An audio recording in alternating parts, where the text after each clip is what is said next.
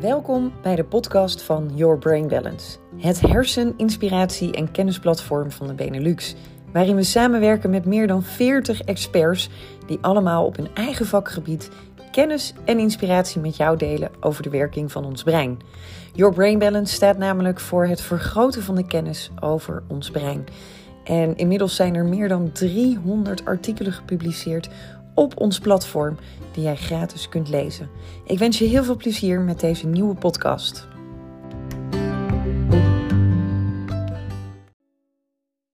Ja, welkom alweer bij een nieuwe podcastaflevering van Your Brain Balance. Vandaag wel een hele bijzondere aflevering, namelijk eentje die gaat over NAH, niet aangeboren hersenaandoening. Een tijdje geleden ontmoette ik iemand en dat was een heel bijzonder moment voor mij en ik denk ook voor haar.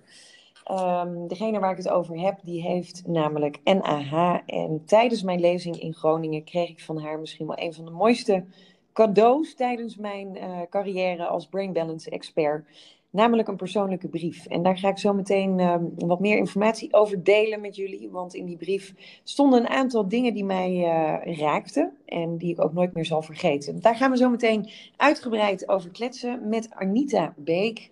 Zij heeft zelf namelijk NAH, niet aangeboren hersenaandoening. Maar eerst wil ik jullie graag meenemen naar een aantal feitjes en cijfers over NAH. Want hersenaandoeningen zijn er in heel veel verschillende soorten, vormen en maten. En komen eigenlijk op iedere leeftijd voor.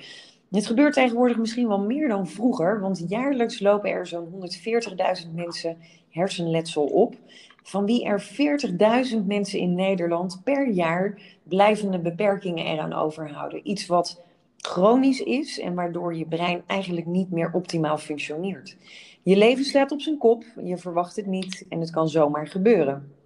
En die forse beperkingen die je eraan overhoudt, dat zijn er best wel veel. Want 40.000 mensen hebben daar dus dagelijks last van. Als we dan kijken naar de totaalcijfers, zijn er zo'n 650.000 eh, Nederlanders die dus echt beperkingen ervaren als gevolg van uh, eh, NAH. 650.000 mensen, dat zijn er onwijs veel. Dit is uh, bijna 1 op de 19, als ik het zo even snel bereken. En dan kijken we ook echt alleen naar de mensen die dus echt die NAH hebben. En niet eens naar bijvoorbeeld de partners en kinderen van die mensen die hersenletsel opgelopen hebben. Want ja, ook voor hen verandert er enorm, veel. Um, je omgeving krijgt namelijk ineens te maken met iemand die door het hersenletsel minder of helemaal niks meer kan. En als we dan kijken naar alle naasten die ermee uh, te maken hebben, dan krijgt vrijwel iedereen in zijn leven ooit wel eens een hersenaandoening, in ieder geval daarmee te maken. Um, dat zijn er heel veel. En als we dan kijken naar 46.000 mensen krijgt per jaar een beroerte of een CVA, dan zien we dat niet aangeboren hersenletsel de belangrijkste doodsoorzaak is bij kinderen en jongeren. En elk jaar lopen er uh, 140.000 mensen nieuw hersenletsel op waarvan er 10.000 dit niet overleven. Mijn god, als je dit toch allemaal zo opnoemt, dan is het toch iets waar veel meer aandacht aan besteed zou moeten worden. Uh, en als we dan zien dat die 130.000 mensen met hersenletsel die wel overleven, zijn er 19.000 kinderen en jongeren van 0 tot 24 jaar. Nou, elk jaar eh, komen er ongeveer 40.000 mensen bij die echt chronische klachten de rest van hun leven eraan overhouden. En dat zijn er enorm veel.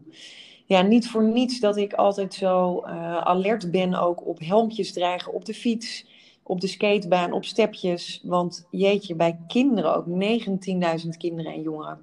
Ik denk uh, dat dat dan veel uh, gebeurt, ook met fietsen. Maar bijvoorbeeld ook van de trap afvallen. Het, zit, het ongeluk zit in een klein hoekje schrikbarende cijfers. En um, ja, daar willen we vandaag meer te weten over komen door uh, met Arnita Beek te gaan praten over haar NAH. Hoe heeft ze dit ervaren? Hoe gaat ze ermee om? En hoe is ze ermee omgegaan op het moment dat het haar overkwam? Arnita, hartelijk welkom bij de podcast van Your Brain Balance. En onwijs leuk en te gek dat jij vandaag met mij het gesprek aangaat om ook meer bewustwording hierover te gaan creëren voor alle mensen die hiermee te maken hebben. Niet alleen de mensen die zelf het hersenletsel hebben, maar ook zeker de omgeving ervan. Want wat doet het een hoop in je leven als dat gebeurt? Jij um, hebt zelf NAH opgelopen. Wat voor soort hersenletsel heb jij opgelopen en, en hoe is dat gekomen? Kun je daar wat meer over vertellen?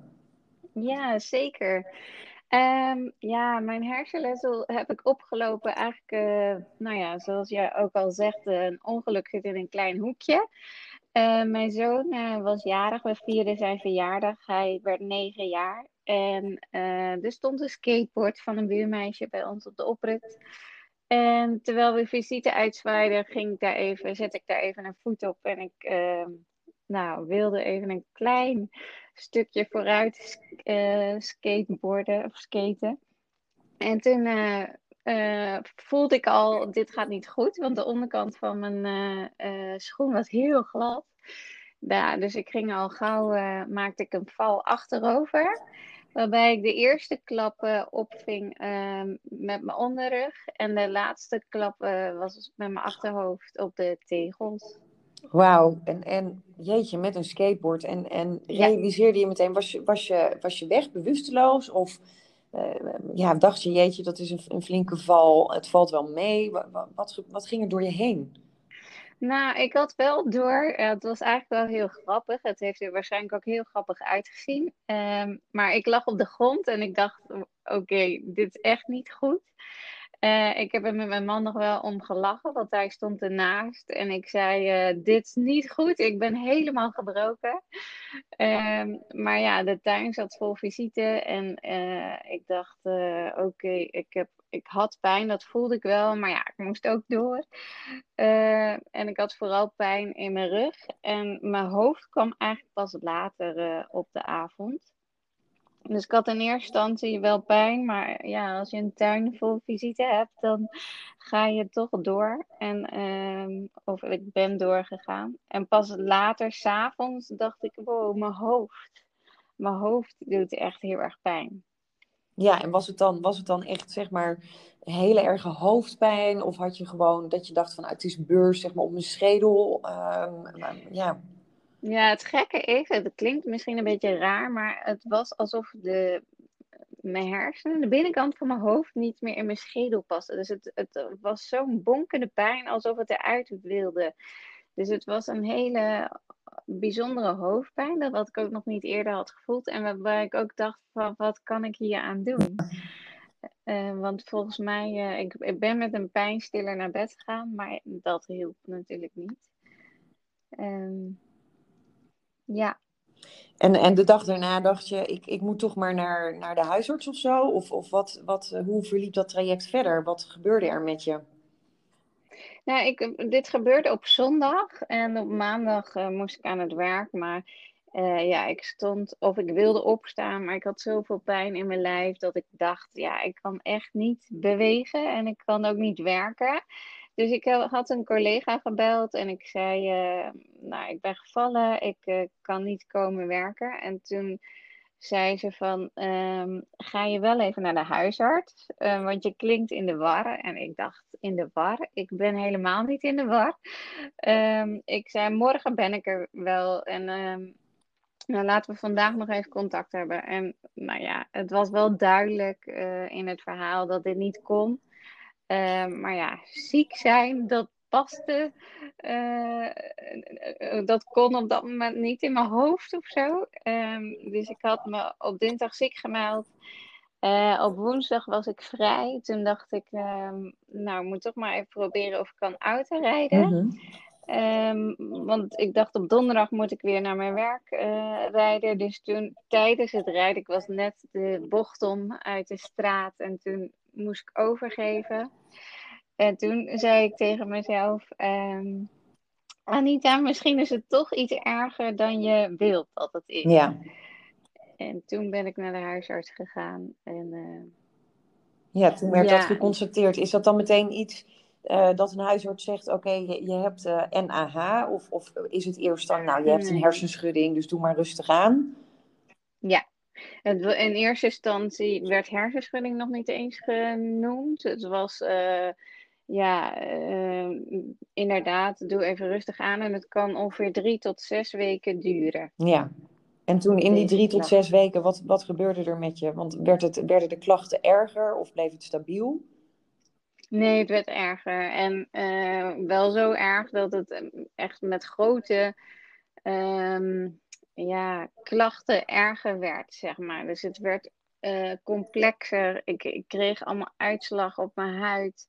Um, ik, er was een hele verstoring ook in mijn, ja, ik had geen, ik kreeg geen hongerprikkel meer. Ik voelde niet meer als ik pijn had, zeg maar. Ik probeerde dan nog wel wat in huis te doen, maar ik weet nog dat ik me brandde aan de, omdat ik heel onhandig was ook.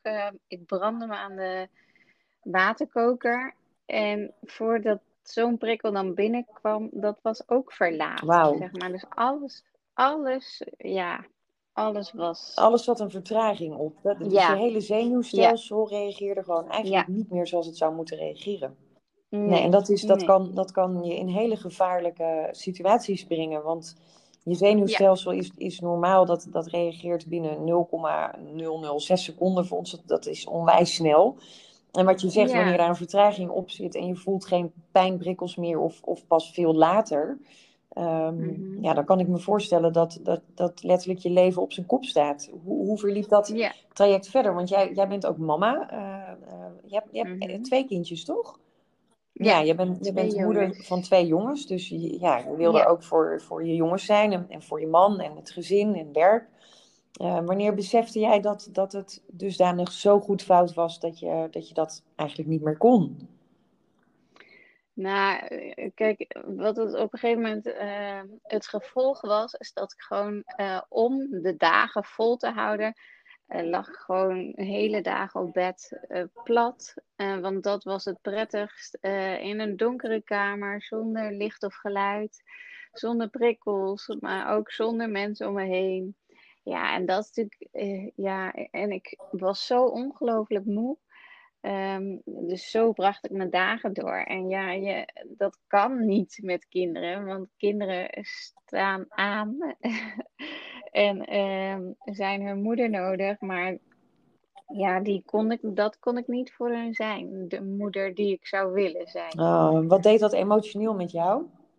Ja, dat was een hele heftige tijd. En ik, uh, wat ik vooral nog weet, is dat, dat je ook ziet dat mijn zoontje van negen en, de en mijn jongste was zes, die moesten al, um, al uh, verantwoordelijk zijn voor dingen waar ze op die leeftijd nog niet verantwoordelijk voor hoeven zijn. Ik, ik weet nog dat ik op een dag, uh, want toen kwamen ze tussen de middag nog een broodje eten om 12 uur. En uh, normaal had ik dan een broodje klaar. Maar als ik bijvoorbeeld een behandeling had gehad, dan was ik zo moe. En ik weet nog één keer dat ik boven huilend aan de trap zat. Want ik, uit mijn handen kon ik gewoon niet uh, tot handelen komen om een broodje klaar te hebben. Dus stond mijn zoontje van negen onderaan de trap. En die zei: uh, Mama, Um, waar, uh, heb je nog geen broodjes klaar? Toen zei ik, nee lieverd. Ik zei, het is me echt niet gelukt. En uh, toen zei hij, oh, maar dat geeft niks hoor.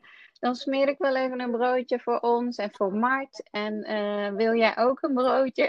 en toen dacht ik, oh, maar dat wil je niet. Ach, nee, ik zit met tranen in mijn ja. ogen. Ik, ik, voel, ah. ik voel die emotie van, van onmacht ja. en het willen zorgen ja. voor, je, voor je kinderen. En, en gewoon door dat je dan een val hebt meegemaakt. Dat je gewoon letterlijk uh, je hele leven op zijn kop staat. En dat je gewoon niks meer kan doen wat normaal vanzelfsprekend was. En, ja. alles te veel. En, en hoe lang heb jij jezelf um, ja, opgesloten, zeg maar. Uh, dat klinkt misschien nog, nog heftiger, maar hoe lang heb jij jezelf teruggetrokken in een donkere kamer met, met ja, eigenlijk alleen maar liggen um, om de dag door te komen? Nou, eh, kijk, qua tijd vind ik het best lastig om te zeggen. Maar ik weet wel dat ik ongeveer anderhalf jaar uh, bezig ben geweest om weer um, uh, een beetje onder de mensen te durven komen. Want ja, je kunt je voorstellen dat als je in contact met mensen bent en je wilt iets zeggen, maar het lukt je niet. Er komen geen woorden uit je mond of je stottert. En ik moet heel langzaam praten om de zinnen te zeggen en de woorden te zeggen die ik wilde zeggen. Ja, dat is gewoon, um, dat wil je niet. En ik, ik bleef daardoor ook echt uit contact. Ja. Um, omdat het, uh, ja, ik was ook heel angstig. Mm -hmm. uh, want ik voelde me heel kwetsbaar. Ik had heel veel pijn. Uh, nou, dat kost natuurlijk heel veel energie. Um, nou ja, en daarnaast um, ja, je wilt, de wereld ging gewoon te snel. Dus dat ehm, heeft heel veel tijd en energie gekost om daar weer een beetje van op te krabbelen. Ja, dat kan ik me voorstellen. Want, want je komt bij de huisarts die zegt, nou, die, die noemt nog niet eens een, een hersenschudding. Um, Doe maar rustig aan. Hè. Over drie tot zes weken gaat het vast beter met je. Je realiseert je dat je met de dag achteruit gaat. Op een gegeven moment dusdanig zo erg dat je dus ook nou, niet meer op woorden komt, uh, moeilijk kan praten, uh, nou, niet eens meer een boterham kan smeren en eigenlijk bijna niet eens meer je bed uit kan. Uh, wat heb je mhm. toen gedaan? Heb je de huisarts teruggebeld of, of wat voor een traject ging je in? Ja, ik had wel in de gaten de. Um, Oké, het is allemaal erger. Het gaat langer duren dan dat ik zou willen. Uh, op een gegeven moment, um, ik, ik was op zoek naar um, een verklaring voor mijn klachten. Ik wilde weten, ik wilde dat er een, een naam aangekoppeld werd. Want ik dacht, een hersenschudding, daar kon, dat, dat kon niet. Want daarvoor voel, het voelde minstens als een uh, hersenkneuzing. Ja, veel heftiger. Ja, ik kan me het voorstellen. Het voelt zo heftig. Want als je hoofd het niet doet, want daar wordt alles gereguleerd, ge, ge, dus als je hoofd het niet doet, dan, dan kun je ook je gedachten niet omzetten. En, um, dus ik ben toen, uh, heb ik met de huisarts afgesproken van, ik kom om de week. En ik vroeg aan haar van, wat doe ik verkeerd? Wat gaat er niet goed? Moet ik een schop onder mijn kont hebben? Moet ik het rustiger aan doen? Maar ik dacht, dat kan haast niet. Moet ik eh, over mijn grenzen gaan? Wat moet ik doen? Want ik wil, dit houd ik niet vol. Nou, en uiteindelijk uh, na een half jaar uh, kon ik naar een neuroloog. Ik weet niet of dat misschien nog leuk is om te vertellen. Ja, nou zeker. Maar het, het verbaast me dat dat, dat dat traject al een half jaar duurde. Wauw, dat, dat ja, is echt wel heel lang. Nee, ja, dat, ja, dat is echt al heel lang. Ja, maar, maar hoe, hoe kan dat? Werden, werden je klachten niet uh, serieus genomen? Uh, werd je maar gewoon, werd er verteld het zit tussen je oren? Uh, wat, wat, wat ging daar fout? Want, want als ik jouw klachten hoor, zou ik denken dat daar moet meteen een scan van gemaakt worden. En, en ja. we moeten die hersenen checken. Nou, daar, ik, ik kan dat nog steeds niet begrijpen. Ik heb in ieder geval het gevoel gehad dat ik niet werd gehoord. Terwijl ik echt, nou, ik heb mijn lijstjes nog, want ik heb echt met lijstjes ben ik naar de huisarts gegaan. Van dit zijn mijn klachten, dit is serieus. En uiteindelijk een soort van, het voelde haast als smeken, kon ik naar een neuroloog. Ja. Ja, en, maar goed, het doet heel veel dan met jou als persoon. Want je gaat twijfelen aan, uh, aan jezelf. Aan, aan, je vertrouwt je lichaam niet meer. Je gelooft niet meer. Uh, uh, maar als er woorden aan worden gegeven, of al wordt het erkend of herkend. Of, ja, dan voel je je gehoord en dan kun je het ook delen met mensen. Ja, ja. En nu, nu was ik continu in gevecht met: oké, het klopt dus niet wat ik voel, want er is dus niks. Dit hoort dus bij een hersenschudding. En ik dacht, nou, dit kan geen hersenschudding zijn, want dan, dan had het nu al lang over moeten zijn. Dus ja. Ja, bizar. Bizar echt dat, dat ook daarin de, de professionele hulp uh, ja, echt steken heeft laten vallen. Maar toen kwam je bij de neuroloog. Uh, heeft hij meteen een hersenscan gemaakt? Of wat zei hij? Want dit moet voor hem toch ook verontrustend zijn geweest? Of voor haar? Ik weet niet wat het was. Ja, het was een hij. Nou ja, ik... Uh, nou, het, het, was eigenlijk... Uh, ja, heel. Uh, ja, ik heb, nou ja, in ieder geval, ik kwam bij de neuroloog. Uh, omdat ik niet herstelde. En ik zocht iemand die me kon vertellen dat het wel weer goed zou komen. Um, maar ja, ik, ik kwam bij hem binnen en hij ging. het voelde al een beetje afstandelijk. Hij maakte niet echt contact. hij zei: Nou, we gaan even wat testjes doen. Nou, daar had ik al niet zoveel vertrouwen in. Want ja, of je doet dat uh, met aandacht. En of je doet het gewoon even zo een beetje zo tussendoor. Van nou, dat moet, dat moet. En zo voelde dat al. En toen, uh, toen was zijn conclusie uh, dat ik een whiplash had. Maar, zei hij, dat woord gebruiken we niet meer. Want als patiënten de diagnose whiplash krijgen, dan herstellen ze minder snel. Dat was uit onderzoek gebleken. Um, dan herstellen ze minder snel van hun nekklachten, eh, doordat ze WIPIS associëren met chronische klachten. En dus zou ik dan als patiënt uh, kunnen verwachten dat ik klachten zou houden. En dus uh, ging hij dat niet uh, benoemen. benoemen. Nee, maar hij vertelde ja. het wel even. Hij, hij vertelde het wel. Zat. Ja, oké, okay, dat is wel typisch. Ja. ja, en zijn conclusie was dus: je hebt last van je nek, maar er, er is niks kapot. En als je pijn voelt, dan moet je niet bang zijn, maar doorbewegen. En als ik jou was, uh, zou ik fysiotherapie, uh, dan zou ik zou je fysiotherapie adviseren. Punt. Dat was en het. dat was het. Dat was het. Maar ja. er is ook, er, was, uh, geen, er is geen scan gemaakt van je hoofd, helemaal nee. niks. Nee. Wauw, oké. Okay. Nee. Dus, dus hij weet ook helemaal niet of dat er überhaupt wat in dat brein was. Dus, dus eigenlijk nee. deed hij een soort van controle bij een auto zonder de motorkap echt Ja. daadwerkelijk open te doen. Oké. Ja, precies. En toen werd je naar huis gestuurd. Ja, ja. Nou, en dat was, eh, ja, ik was echt. eh, eh, toen raakte ik ook echt de weg kwijt. Ik was in de war en sprakeloos, want ik stond buiten de spreekkamer en ik dacht. Ik had echt gedacht dat hij me een richting op zou sturen, me houvast zou geven, of een onderzoek wilde doen, of kon vertellen wat er met me aan de hand was. Ehm, maar, eh, of überhaupt zeggen eh, dat het wel weer goed kan. Maar ja, ik had voor, daarna echt helemaal niet, niets meer om me aan vast te houden. Eh, en dat, dat maakte. Ik ben, ben daarna ook echt wel depressief geraakt. Ja, ik kan me heel goed voorstellen als je daar dan die, die, die kamer uitloopt, dat je je zo intens eenzaam kunt voelen, dat er niemand is die jou maar een beetje support geeft en maar één richting in kan sturen wat je zou kunnen doen en dat het gewoon, ja, de, gewoon alleen, alleen op de wereld. Ik kan me dat Ja. zo goed voorstellen en dat dan inderdaad in Ja. depressie eh, in één keer heel dichtbij komt. Jeetje. Ja, ja, Dus, dus Ja. ehm, ja, maar en, en toen, want dan loop je vast. Wat, wat, Ja. je liep vast in eh, niemand hoort me, Ehm, ik, ik voel me eenzaam, depressieve gevoelens, mijn brein werkt niet meer. Alles wat ik normaal kon doen, dat kon ik niet doen. Mijn gezin leidt eronder.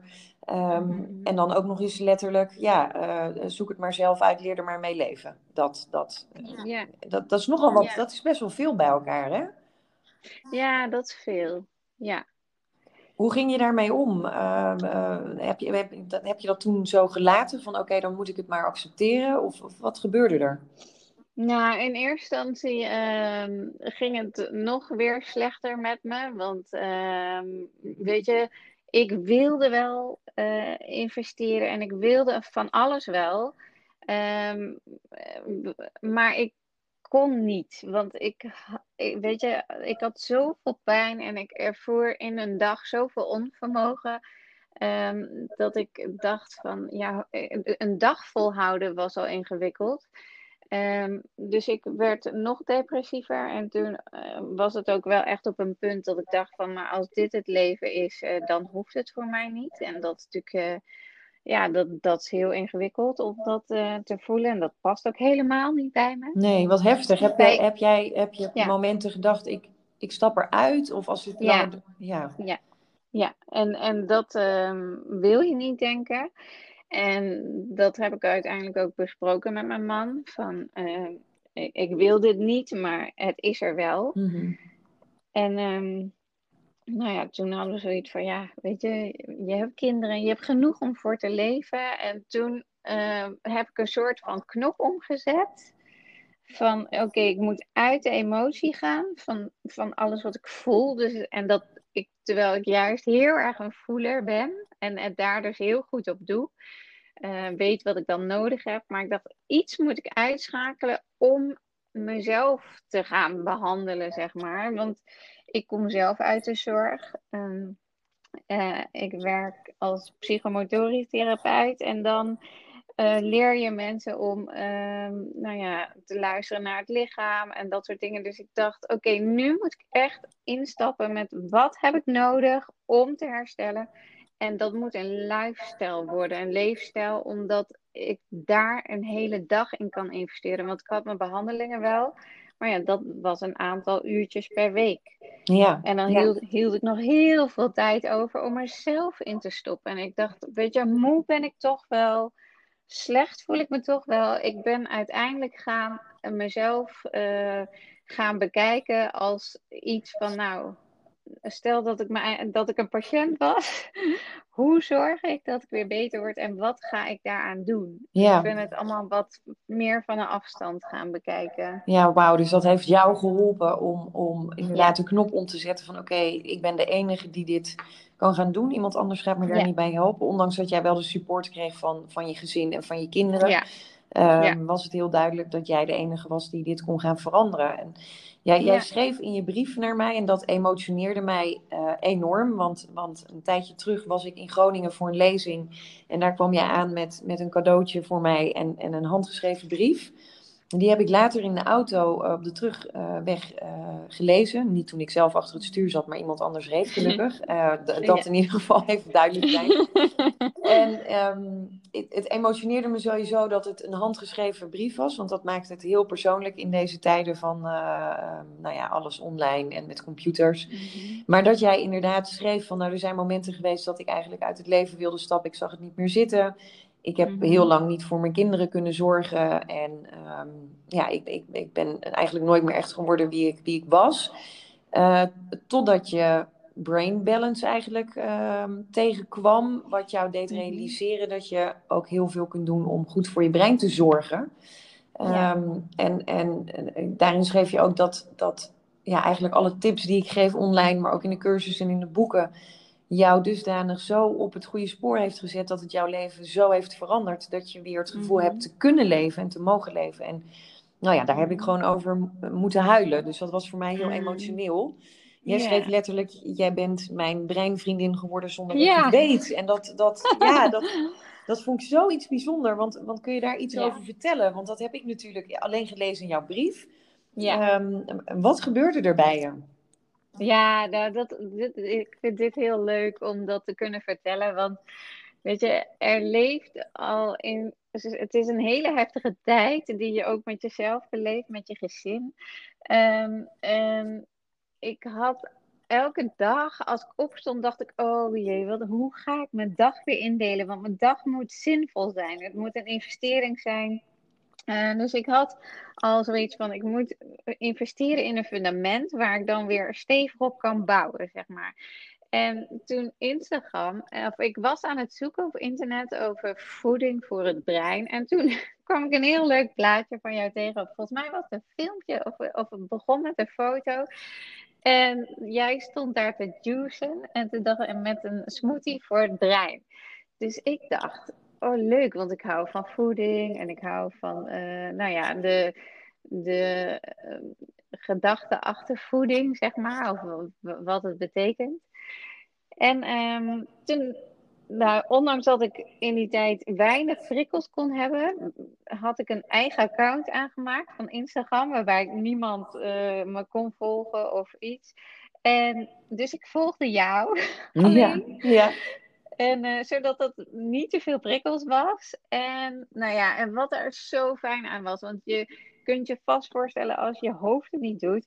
Dat je eh, dag indelen ook gewoon heel ingewikkeld is. Dus Ja. wat, wat jij doet met je stories en met je ehm, posts. Is dat je de hele dag informatie geeft. Maar ook gewoon ehm, dat je aan het wandelen was, eh, dat je een smoothie maakte, je supplementen innam, je mediteerde, aan yoga deed, je investeerde in jezelf. En alles maakte dat ik dacht, oh, alles was een soort tip of zo. Of ik, ik kon een beetje meegaan in jouw flow. Dus ik hoefde alleen maar even zo'n story te kijken en dacht oh ja, oh, dat kan ik wel even gaan doen. Of oh ja, dus ik hoefde het niet meer zelf te bedenken. En dat klinkt misschien gek, maar eh, ook dat kon ik niet bedenken. Dus ik hoefde alleen maar even af te kijken van hoe of jij dat deed. ja. En, en ik raakte daardoor heel erg aangemoedigd om, om ehm, de dingen eh, te doen, om die lifestyle zo- te kopiëren als het ware. Ja, geweldig. Ja, en het, en het leuke aan, ehm, ja, dat je dat zegt van je van eh, jij als breinvriendin, is dat ik heel vaak de kennis die ik ehm, nou ja, kreeg van jou, die deelde ik dan met mijn man. Of de supplementen die ik nam, vertelde ik dan. Of de voeding die ik at. En dan sprak ik thuis al vaak over Charlotte. Ja. En toen op een dag zei, zei mijn man van, wie, wie is nou Charlotte? En toen zei ik, ja, Charlotte is van Instagram. En toen zei hij, maar je kent haar toch niet? En, toen, en het klinkt alsof ze een vriendin van je is. Toen zei ja. zei ik, ja, dat is ze ook. Ze is mijn breinvriendin. Oh, geweldig. nou, ik zit hier helemaal met een big smile. Wat gaaf. Ja. Ja, nou ja, en zo, de, kijk, de kinderen zijn, weet je, ik vind het heel fijn om hen mee te nemen hierin. Want zij hebben natuurlijk ook enorm te maken met prikkels en met uh, mij als voorbeeld, maar ook uh, nou, onze voeding heb ik aangepast, supplementen. Dus ja, met de oudste kijk ik dan wel eens jouw filmpjes. Ja. Uh, en met de jongste koken we samen uit jouw boek. Dus, Ach, geweldig. Char Charlotte is helemaal verwezen. Ja, ja, ja. Charlotte is er, is, er, is er gewoon iedere dag eventjes bij. ja, ja. Wat bijzonder, want, want ja. uiteindelijk ging je merken dat dat dat dus, dus de Brain Balance Lifestyle jou ging helpen in de ontwikkeling van mm -hmm. um, ja, opnieuw omgaan met de beperkingen die je hebt. Uh, ja. en, en, en je brein te verbeteren. Wanneer merkte je dat dat je wat ging opleveren? Nou, al best wel snel. Want uh, naast dat het. Uh, kijk, als je investeert in, de, in je eigen fysiologie, zeg maar, dan gaat dat werk zich gewoon door. En, en naast dat het daarin door ging werken, vond ik het ook fantastisch om te werken met voeding, uh, te weten. En ik heb voor mezelf vier pijlers uh, uh, gesteld. Zo van, nou, dat zijn de vier dingen waar ik me op wil richten op een dag. Want dan was mijn dag een soort van geslaagd. Want dan investeerde ik in mijn fundament. En, um, en ik, uh, ik ging kijken van waar word ik nou echt blij van. En dat was natuurlijk heel mooi om te zien. Um, dat kon ik met jou meekijken. Van nou, um, dus mijn vier pijlers waren, en, en dat nog steeds, dat is beweging, um, voeding, uh, zeg maar voeding slash supplementen, uh, ontwikkeling en uh, ontspanning. Ja, en dat super. zijn de vier dingen ja, waar al mijn energie naartoe gaat op een dag. Ja, en dat, dat heeft je grote stappen gebracht, want ja. Je, je, praat, je praat goed, je kunt, weer, um, je kunt weer het leven leiden wat je, nou misschien niet wat je altijd uh, geleefd hebt, maar daar, daar kom je in ieder geval dichterbij in de buurt. Ja. Je, bent er, je kunt er weer zijn voor je kinderen, je bent weer mama, je bent weer vrouw. Um, je bent zelfs bij een lezing van mij geweest uh, in, in een grotere groep mensen, dat, dat ging goed. Ja. Um, op een gegeven moment is er tegen jou gezegd: leer er maar mee leven. Dit is wat het is. Hier zul je de rest ja. van je leven mee blijven zitten. Ja. Nou ja, het tegendeel is inmiddels bewezen dat dat dus niet zo is. Nee. ja, en wat, dat... wat, wat, doet dat? Wat, hoe kijk je daarop terug als je nu, nu terugkijkt naar jouw reis van de afgelopen twee jaar? Nou ja, het, het sowieso raakte me dan weer even als je dit zegt, zeg maar. Van, en wat ik weet nog zo goed hoe ik me toen voelde. Dat ik dacht van, dat wil je niet voelen en dat gun je niemand. Mm-hmm. En zo'n uitspraak doen, uh, dat, ma dat maakt bij mij, en ik geloof dat dat voor anderen net zo is, dat je op slot gaat. Je gaat dicht. Ja. En in plaats van dat er ergens nog een sprankeltje hoop uh, wordt gegeven, wordt gewoon gezegd van. Um, of eigenlijk wordt er gezegd in feite van. Er is niks. En toen dacht ik, ja, maar als dit niks is, dan. Ja, dat bestaat niet. Nee.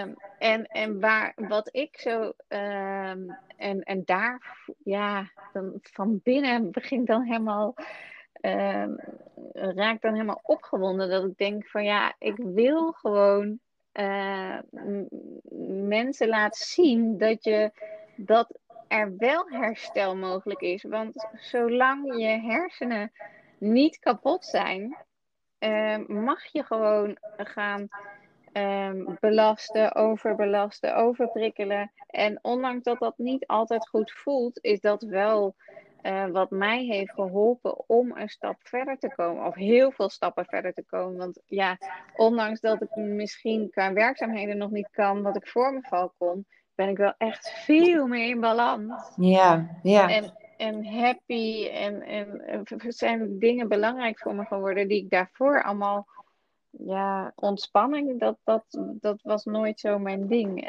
Nee, nee. Dus ja, ik. Uh... Ja, wat, wat, had, wat had jij gewild dat, dat een van de artsen jou verteld had? Dus zowel of de neuroloog of de huisarts. Wat, wat, wat hadden ze je wel mee kunnen geven waardoor dingen anders hadden kunnen lopen voor je? Nou, wat, wat ik als. Uh, en heel leuk, want ik heb uiteindelijk een hele fijne revalidatiearts getroffen. En die had in eerste instantie ook zoiets van: ik kan niks voor je doen. En toen zat ik huilend bij hem dat ik zei: Maar als jij niks kan doen, uh, wie dan wel? Hè? En toen zei hij, en hij, hij bleef maar contact met me houden. Hij had zoiets van, nou, ik, ik, ik ga net zo lang door totdat ik iets vind. Want ik was eigenlijk heel helder in wat ik wilde. En uiteindelijk um, uh, heb ik nog met hem besproken. Van eigenlijk, nou ja, net als jouw vraag, van wat had. Wat, ik zei, als je weet dat de hersenen niet kapot zijn en je zegt dan dat hersenen plastisch zijn, en dan en, ver, en daarbij zegt van dat verandering en verbetering dan mogelijk is, ja, dan, dan had ik weer zoveel meer hoop uh, gehad of, of gevoeld of vertrouwen gehad dat het wel weer goed zou komen. Dat ik denk van nou, volgens mij moeten we dat niet vergeten uh, mee te delen, want het voelt echt niet alsof het nog goed komt hoor. Nee, nee precies. precies. En, en, en eh, nou ja, een neuroloog, maar ook een huisarts, die weten, die hebben de kennis dat een brein plastisch is. En, en die mhm. neuroplasticiteit zorgt ervoor dat het zich kan herstellen en dat het kan helen en dat het kan ontwikkelen en leren. Um, het is natuurlijk heel raar dat dat niet verteld is. En dat dat, want dat geeft inderdaad de, de mogelijkheid, dat is namelijk de, de brug die je kunt gaan bewandelen, om uiteindelijk dat brein weer uh, in balans te kunnen gaan krijgen, waardoor je weer kunt gaan bouwen. En dat, is, dat is iets wat mij enorm verbaast in jouw verhaal, dat dus de experts waarvan we denken, hopen te weten dat ze, dat ze toch de parate kennis wel hebben en de juiste informatie geven. Dat je eigenlijk gewoon een nummer bent en uh, succes ermee. Zoek het eigenlijk zelf maar uit. Mm -hmm. uh, en als we dan kijken naar de plasticiteit van, van het brein, hoe we dat het beste kunnen inzetten, waardoor het dus uh, beter en, en sneller voor ons kan gaan werken, is die lifestyle alles bepalend. En dat is inderdaad ja. wat jij zegt: voeding, beweging, je ontspanning, je slaap, supplementen. Maar ook je mhm. omgeving, doelen hebben. Dus het is echt die, ja, die holistische benadering van, van hoe werkt dat brein en wat heeft dat brein nodig. En ja, dan zien we ook meteen wanneer onze hersenen het dus gewoon niet goed doen. Dan voel je dat door in alles. En, en dat heb jij ook zo ervaren. En ja, volgens mij ben jij het voorbeeld voor alle mensen met NAH. Die, um, die denken nu dat het, dat het niet meer kan en dat het het einde is. En, die er misschien nu op het diepste punt zitten van, van het dal waarin ze zich begeven, dat er dus wel echt hoop is en dat dat brein mm-hmm. ja, met de juiste stappen uh, zich weer goed kan gaan ontwikkelen en in ieder geval de dingen weer beter kan maken. Ja. Heb jij nog één concrete tip voor mensen die, die willen starten met uh, ja, de Brain Balance lifestyle, maar nog niet goed weten hoe te beginnen? Wat, wat zou je ze willen meegeven? Nou, ik denk dat het allerbelangrijkste is dat je begint bij van wat voor jouzelf belangrijk is. Waar wil je aan werken uh, in jouw fundament? Waar wil je dat je energie naartoe gaat? En ik denk als je daar als eerste mee start, um, ja, en voor mij was dat wel echt uh, de fysiologie, zeg maar. Dus ook uh, de voeding en de supplementen. Dat ik dacht van ja, daar hoef, hoef ik in feite het minst voor te doen qua ja. energie. Ik hoef alleen maar hè, en, mijn noten en mijn supplementen bijvoorbeeld. En mijn blauwe, mijn blauwe brein vriendjes. Ja, precies. Ja, de blauwe bessen. Ja, ja precies. Ja dat ik dacht van dat was het makkelijkste in eerste instantie om uh, mee te beginnen. En daarnaast uh, wandelen. En ik dacht, ja. als dat klein beginnen, maar dat maakte me al zo blij. Um, Omdat ik dacht van ja, wat ik erin stop, dat krijg ik terug. En alles wat ik aandacht geef, geef dat groeit. Dus zo, ehm, ja, zo denk ik dat het voor iemand die wil starten belangrijk is van waar, waar wil ik dat mijn energie naartoe gaat. Ja, ja, mooi, prachtig. En, en, en, dat ging, die energie ging op een gegeven moment weer stromen, waardoor je de beloning kreeg en de ervaring kreeg dat het beter kon. En, en volgens mij is dat, dat is dan ook wel de regel van het brein, dat hij dan graag meer wil. En dan is ook de motivatie er om door te zetten. Dus dat is ja geweldig om te horen dat je dat ook zo ervaren hebt. Hoe gaat het nu met jouw kinderen? Hoe, ehm, ehm, ja, hoe gaat het in het gezin? Dat is nog even het laatste waar ik heel benieuwd naar ben, ook als mama zijnde, ja. hoe het in het gezin gaat. Ja, nou, het gaat uh, goed. Ik, uh, de kinderen zijn nu 12 en 10. Uh, en het mooie is, ja, de jongste is echt wel, ehm, die nou, daar hebben we echt nog wel wat behandelingen ook mee gehad. Omdat hij was zes toen het gebeurde. En toen moest hij in zijn eentje naar school. Uh, in zijn eentje weer naar huis. Dus hij werd eigenlijk al... Omdat ik dat niet kon. Ik kon dus hij is al best wel jong. Um, ja, volwassen moeten worden. Ja, ja. En, en nu... Um, we kregen in de gaten dat dat... Uh, ja, wat met zijn zelfvertrouwen uh, had gedaan. Dus we hebben wat, uh, nou ja, afgelopen periode, toen het met mij wat beter ging, ook weer tijd in hem geïnvesteerd. Uh, om te kijken van, nou, waar is hij even van het pad afgegaan. Dus we hebben hem weer ook op het pad gekregen. Fijn, ja, goed zo. Ja, dus thuis gaat het ook gewoon weer goed. En de kinderen, ik heb op een gegeven moment ook gezegd, oké, jullie hebben lang voor mama moeten zorgen. Maar nu kan ik het weer zelf. En ehm, ja, je mag het loslaten. Uh, hè, want op een gegeven moment merkte je dat de kinderen ook gewoon maar bleven zorgen voor mama. Ja. dat ik zei van oké, maar nu zijn we op het punt dat ik het weer zelf kan. En je mag weer kind zijn.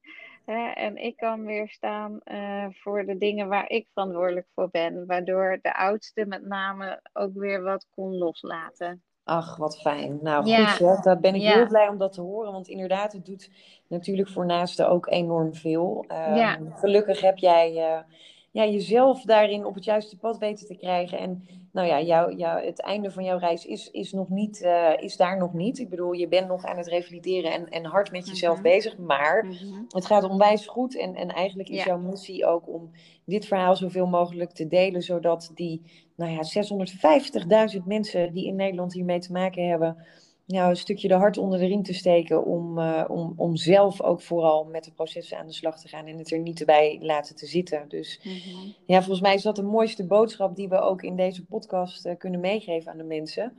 Ja. Ik wil jou uh, enorm bedanken. Nou, volgens mij kunnen we hier nog wel tijden over kletsen, ja. want het is gewoon heel interessant en we zijn ja. beide dol op dat brein geworden. Ja. dus, dus wat dat betreft geweldig. En ik ehm, ga je vast weer heel snel zien en spreken. En hou me ook zeker op de hoogte hoe dat alles gaat. En uh, ja, ik wil jou bedanken voor je tijd en voor je verhaal. Zet hem op met alle tools. En ja. je wel voor nu. Ja, en jij ook heel erg bedankt. En leuk dat het zo is begonnen. Nou, absoluut. Geweldig. Ja. En uh, hopelijk inspireren we hier heel veel mensen mee. Ja. Top.